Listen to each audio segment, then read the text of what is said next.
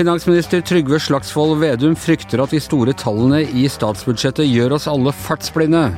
Og det kinesiske kommunistpartiet fyller 100 år, feirer ved å oppgradere generalsekretær og president Xi Jinping til keiser på livstid. Dette er Gjevrøy-gjengen. Det er mandag den 8. november.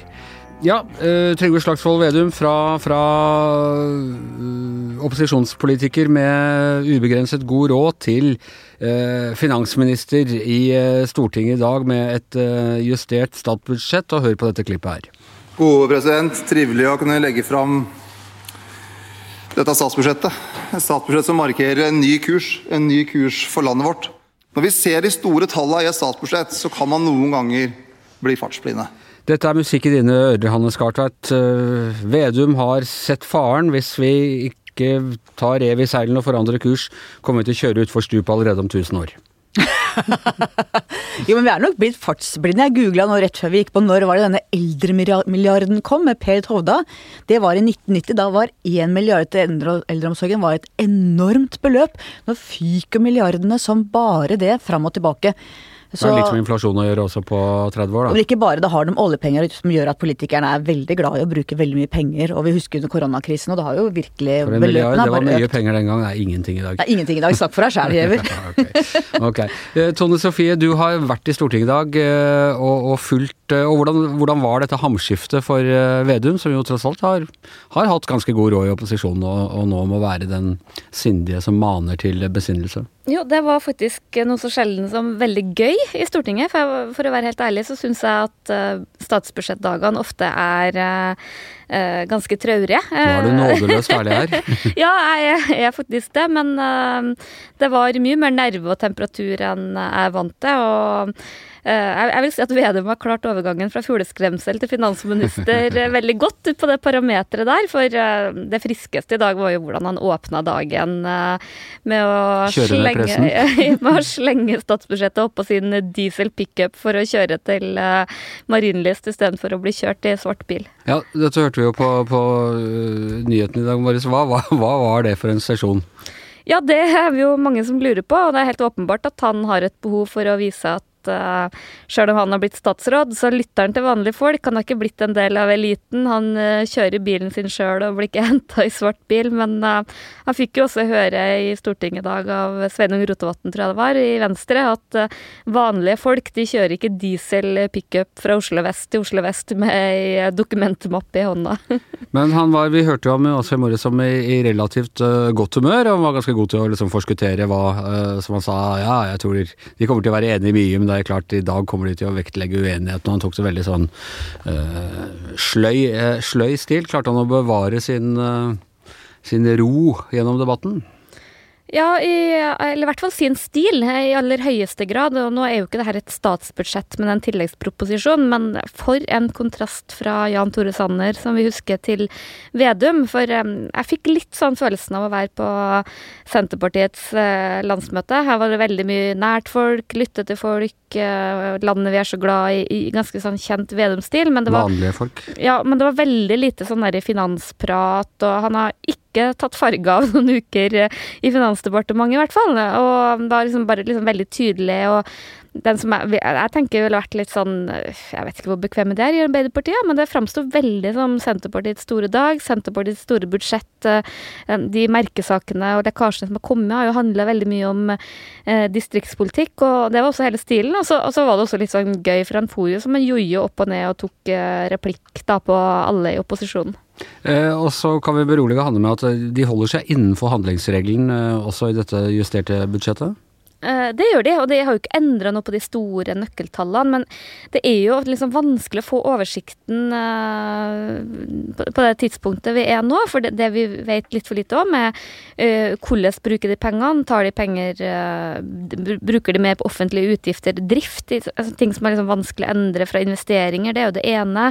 ja, for det er denne forskjellen altså på om man ja. bare bruker det til å holde hjula i gang, eller om man gjør investeringer ja, som Ja, om de gjør endringer varer. som gjør at liksom, nå får vi mer offentlige utgifter for du vet jo alltid når man plusser på det, så er det veldig vanskelig å fjerne det.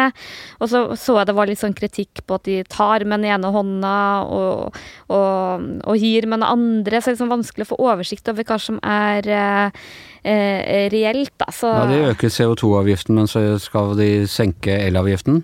Ja, for, for eksempel eh, eh, Det er å ta med den ene og gi med den andre.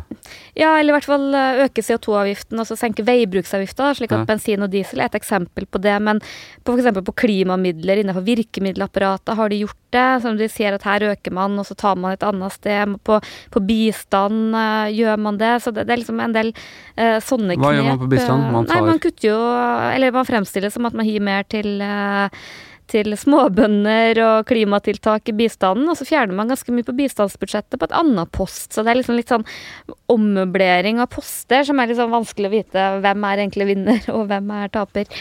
Ja, øh, Hanne, som Olav Gran Olsen i Dagsrevyen pleide å spørre finansministeren etter at han hadde lagt fram årets kutt, er det nok?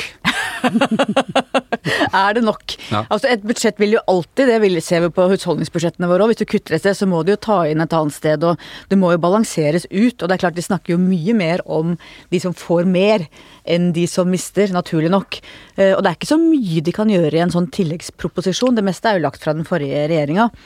Eh, Men de fikk jo kritikk blant annet så jeg av Tina Bru når det gjelder denne elavgiften. Hvor målrettet er det egentlig når vi vet at strømmen er veldig, veldig dyr i noen deler av landet? Ikke så dyr andre deler landet. Så senker du avgiften for alle. Er det da målretta, eller er det rett og slett bare å dele jevnt utover til rik og fattig, store hus, Og det var vel? SV også, at man subsidierte masse rikfolk òg ved, ved denne kuttet i elavgiften. Ja, og det er jo det med de store pengene de bruker, det er jo elavgifta. Det er jo veldig lite treffsikkert, for det, det utgjør ikke så veldig mye på hver enkelt strømregning, og så er det veldig forskjellig hvor store strømutgifter du har, og så er det jo heller ikke noe incitament til å spare strøm. Det er jo det samme med billigere barnehage, og liksom hvor alle får noen hundrelapper billigere, og så tenker man hvor mye kunne man ikke brukt på de som virkelig trengte det, og det er litt sånn en av de hovedkritikkene mot uh, det her. Hva er de andre hovedkritikkene? Jeg så Fremskrittspartiet mente at det var øh, man sløste bort på symbolsaker og Ja, det var liksom, Det er jo litt forutsigbart. Eh, Frp så var det mm, i symbolske klimatiltak som vant, eh, og så var det bilistene og de syke som, eh, som tap, var taperne. Men sånn gjennomgående fra både SV og eh, MDG og Venstre var jo på på klimaområdet, så er det også litt på de her eh, litt sånn generelle. Så tror jeg nok at fra venstresida at de, mener at de gjør altfor lite. At eh, av Ja, på klimatiltak ja, og sånn. og også endringer på skatteprofil, og at det her er litt sånn, litt sånn eh, symbolsk. Da. Så der jeg opplevd, Men det, det som er påfallende å merke seg, er at uh, mange var ganske konkrete i kritikken, mens SV var ikke konkrete i det hele tatt. Det var liksom bare Ja, det jeg, hørte Kaski Ja. på radioen i morges, og det var også sånn ja, veldig ullen. Ja.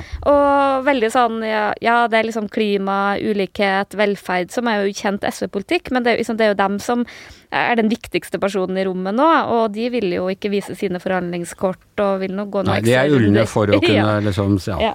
Men det er interessant at en regjering får jo aldri noe særlig ros på en dag som dette. Fordi at det klimapartiene vil mene at det ikke har vært gjort nok på klima. Frp vil uansett mene at det ikke er blitt gjort nok på elavgift og dieselavgift. Eh, SV vil ikke mene at det er gjort nok for fordeling. Dette er dagen hvor alle, både eh, opposisjonspartiene og ikke minst interesseorganisasjoner, kommer med sin hjertesak og sier at her er det ikke nok. Ingen er fornøyd. Men, og det er ikke det som er politikk, når alle er passe misfornøyd, så, eller like mye misfornøyd, så, så får man det til.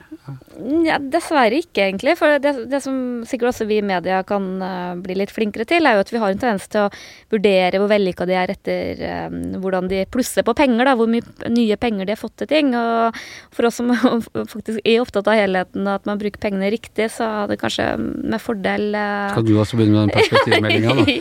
jeg har vært opptatt av det lenge. Men en sånn annen ting som var litt sånn gøy å se i Stortinget i dag, var at eh, det er litt sånn rollebytte på gang. Eh, så det er jo litt sånn nye finanspolitiske talspersoner, og, det var ganske forfriskende. Tina Bru Høyre var, var veldig, tror jeg kan bli veldig bra og veldig gøy. Eh, Rødt sin nestleder Marie Sneve Martinussen blir jo finanspolitisk i, i Rødt. Det var også et veldig friskt pust. Og også Sveinung Rotevatn var jo en eh, Han er jo en god retoriker og var på rett plass. Så jeg tror at det kan bli ganske gøy på Stortinget. Ja. Nei, men Så bra. Vi er for at det skal være mer gøy på Stortinget, er det ikke det, Hanne? Absolutt. Det er, når det er liv der, da blir det liv i politikken. Ja. Et annet sted hvor det er liv og moro for tiden, det er i det kinesiske kommunistpartiet. De feirer 100 år i år, og nå har de firedagers uh, seminar i, uh, i, det innerste ledelsen av uh, kommunistpartiet. Og da skal de oppsummere alle de strålende tingene de har fått til i de 100 årene som har gått.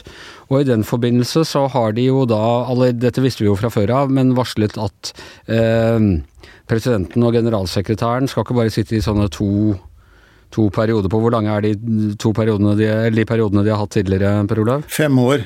Eh, eh maks to perioder, ti ja. år altså. Men det er nå slutt på denne latterlige begrensningen, så nå kan, de, kan, han rett og slett sitte som Han kan bli en ny uh, Mao, han uh, Xi? Ja, han er på god vei til å bli det. Og det er jo hans store forbilde også, selvfølgelig. Um, altså tidligere Noe av erfaringen etter Mao var jo at eh, i tiden etterpå så gikk det over til at det egentlig var en slags komité, da, en, en, en liten komitéparti som styrte med en leder, en generalsekretær. Men, men nå har eh, Xi i løpet av de snart ti årene han har styrt, samlet all makt i sine egne hender. Og uh, uh, han har allerede fått opphevet denne ti eller to ganger fem Eh, årsregelen. Eh, så når de skal møtes Folkekongressen om et drøyt år, så vil han da bli eh, valgt på nytt. Og han vil utvilsomt være den mektigste og den mektige leder i Kina, egentlig i sin levetid, slik det nå ser ut. Og dette er jo på en måte en overlevelse fra det forrige århundret og, og ekstremismens tidsalder, hvor du hadde liksom de store diktatorene og Hitler og Stalin og Mao selvfølgelig. Eh, nå har du en god del småtyranner. Men, men, han blir, er nå uten tvil verdens mektigste mann, er han ikke det? Jo, også fordi at det går i sånne lange linjer i kinesisk politikk. Ikke? Vi snakker jo ofte om amerikansk politikk, men der kan det jo bli fullstendig skifte hvert fjerde år. altså Hvor kursen endres dramatisk. Og, men i, her i Kina så snakker man altså Xi har nå en, en, agenda som egentlig strekker seg fram til 2050, eh, innen den tid hvor Kina skal bli eh, en verdensledende makt, altså hvor de skal eh, bli en, altså en, virkelig global supermakt. De er det på mange måter allerede, men da skal de ha, styr, ha virkelig befestet den posisjonen. Det som er interessant på det møtet som er nå også, Anders, er jo det at de skal komme med en resolusjon. og det er på en måte en, en, sånn type resolusjon, eh, og en, en, ny en revisjon på en måte av partiets historie. og Det er tredje gang det skjer. Um, bare i løpet av siden partiet kom til makten.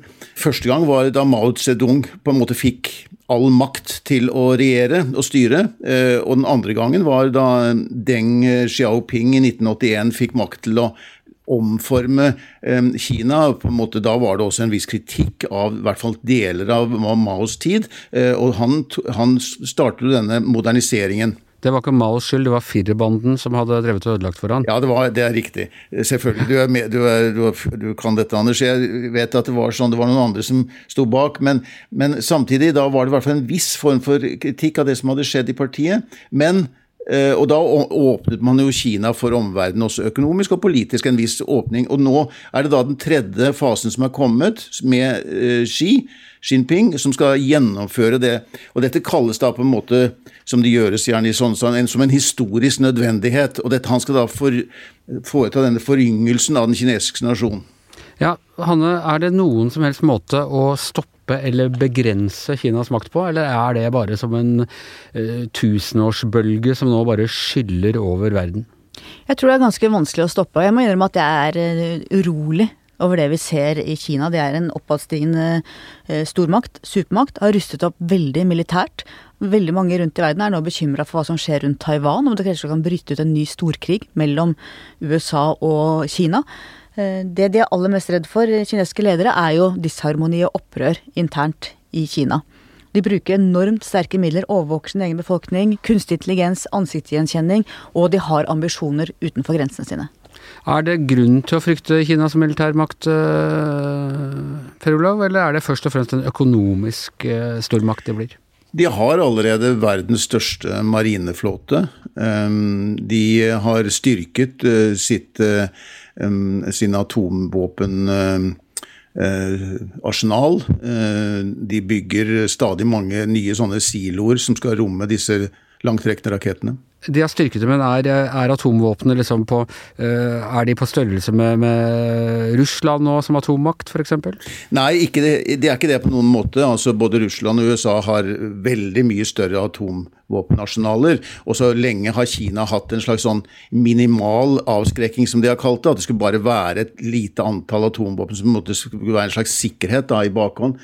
Og det er ikke kommet noen ny um, strategi, men altså noen, man, man har, da, denne utbyggingen har fått en til å tenke på at det, kanskje, kanskje, de er i ferd med å forlate denne minimale um, minimale avskrekkingen, og heller eh, ta opp på en måte konkurransen med de store atommaktene. Dette er jo noe som gjør også at det er desto viktigere på en måte å trekke I den grad det er Det har vært lite av det nå i det siste, men det er, i den grad det er internasjonale atomforhandlinger eh, mellom USA og Russland, så er det også viktig å trekke inn Kina. Ja, Hanne, hva kan, hva kan et land som Norge gjøre, bortsett fra å nekte å selge laks, liksom?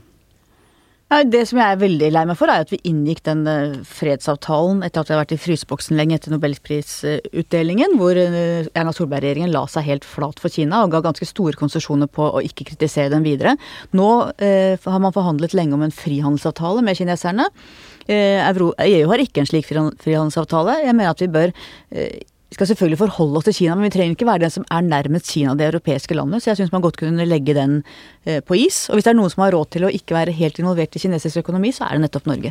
Vi ser jo nå Tone Sofie nevner at rollene skifter litt med regjeringsskiftet. Altså eh, Arbeiderpartiet har jo kritisert Høyre, eller Erna Solbergs regjering, veldig mm, pga. unnfallenhet overfor Kina. Nå ser vi eh, at eh, Ine Eriksen Søreide, hun er jo nå skal utfordre utfordrer Jonas Gahr Støre på påstandene i Jaglands bok om at eh, han prøvde å presse Jagland, han var leder for Nobelkomiteen, til å ikke gi Er det sånn er Kina også bare blitt en sånn eh, kasteball fram og tilbake mellom opposisjonen og sittende? Altså de som sitter må forholde seg til Kina på et eller annet vis, mens opposisjonen later som om de er tøffere i trynet enn hva de egentlig er? Det håper jeg ikke. Husk på at Russland er vårt naboland. De må vi forholde oss til, og vi må ha et, eh, et vennskapelig forhold til dem samtidig som vi markerer avstand. Så da må vi smiske litt?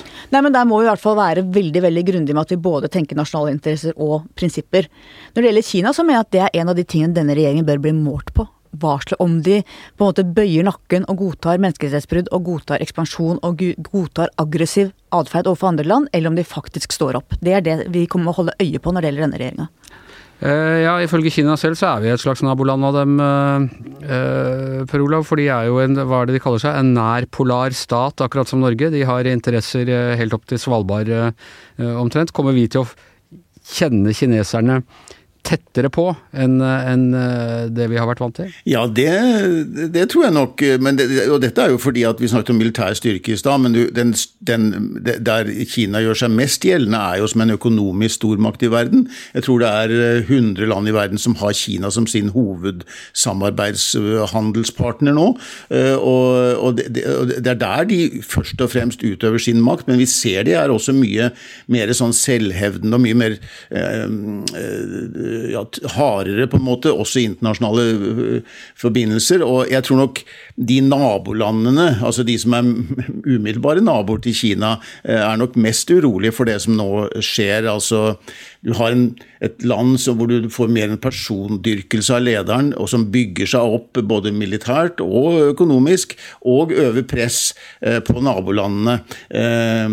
Eh, og eh, med den ensrettingen og Eh, kontrollen som de har innenlands, så det jo, blir det enda dårligere forhold for landets egne. Eh, det er ingen kritikk eller dissens overhodet det er plass til nå. Det er veldig interessant det dere sier om Kina og Arktis, for, der er det en veldig sterk opplevelse av at kineserne er veldig interessert strategisk, og jeg var, i Kirkenes uh, for um, halvannet år siden. Nå er jo ingen der pga. pandemien, men da var det veldig mye kinesiske forretningsfolk og turister selvfølgelig til stede.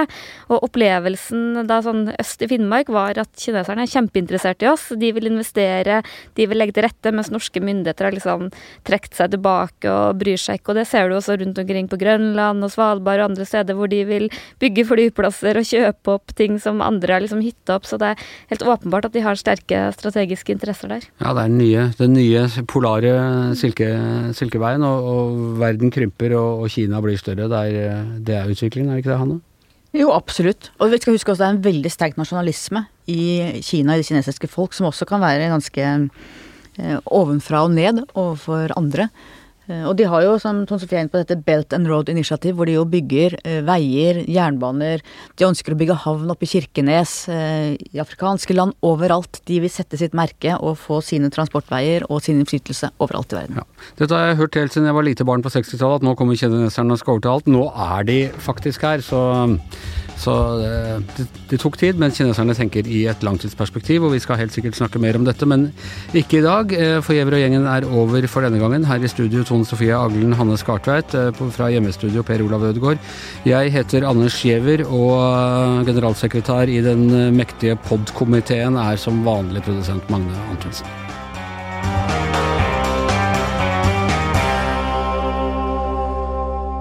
Du har hørt en podkast fra VG.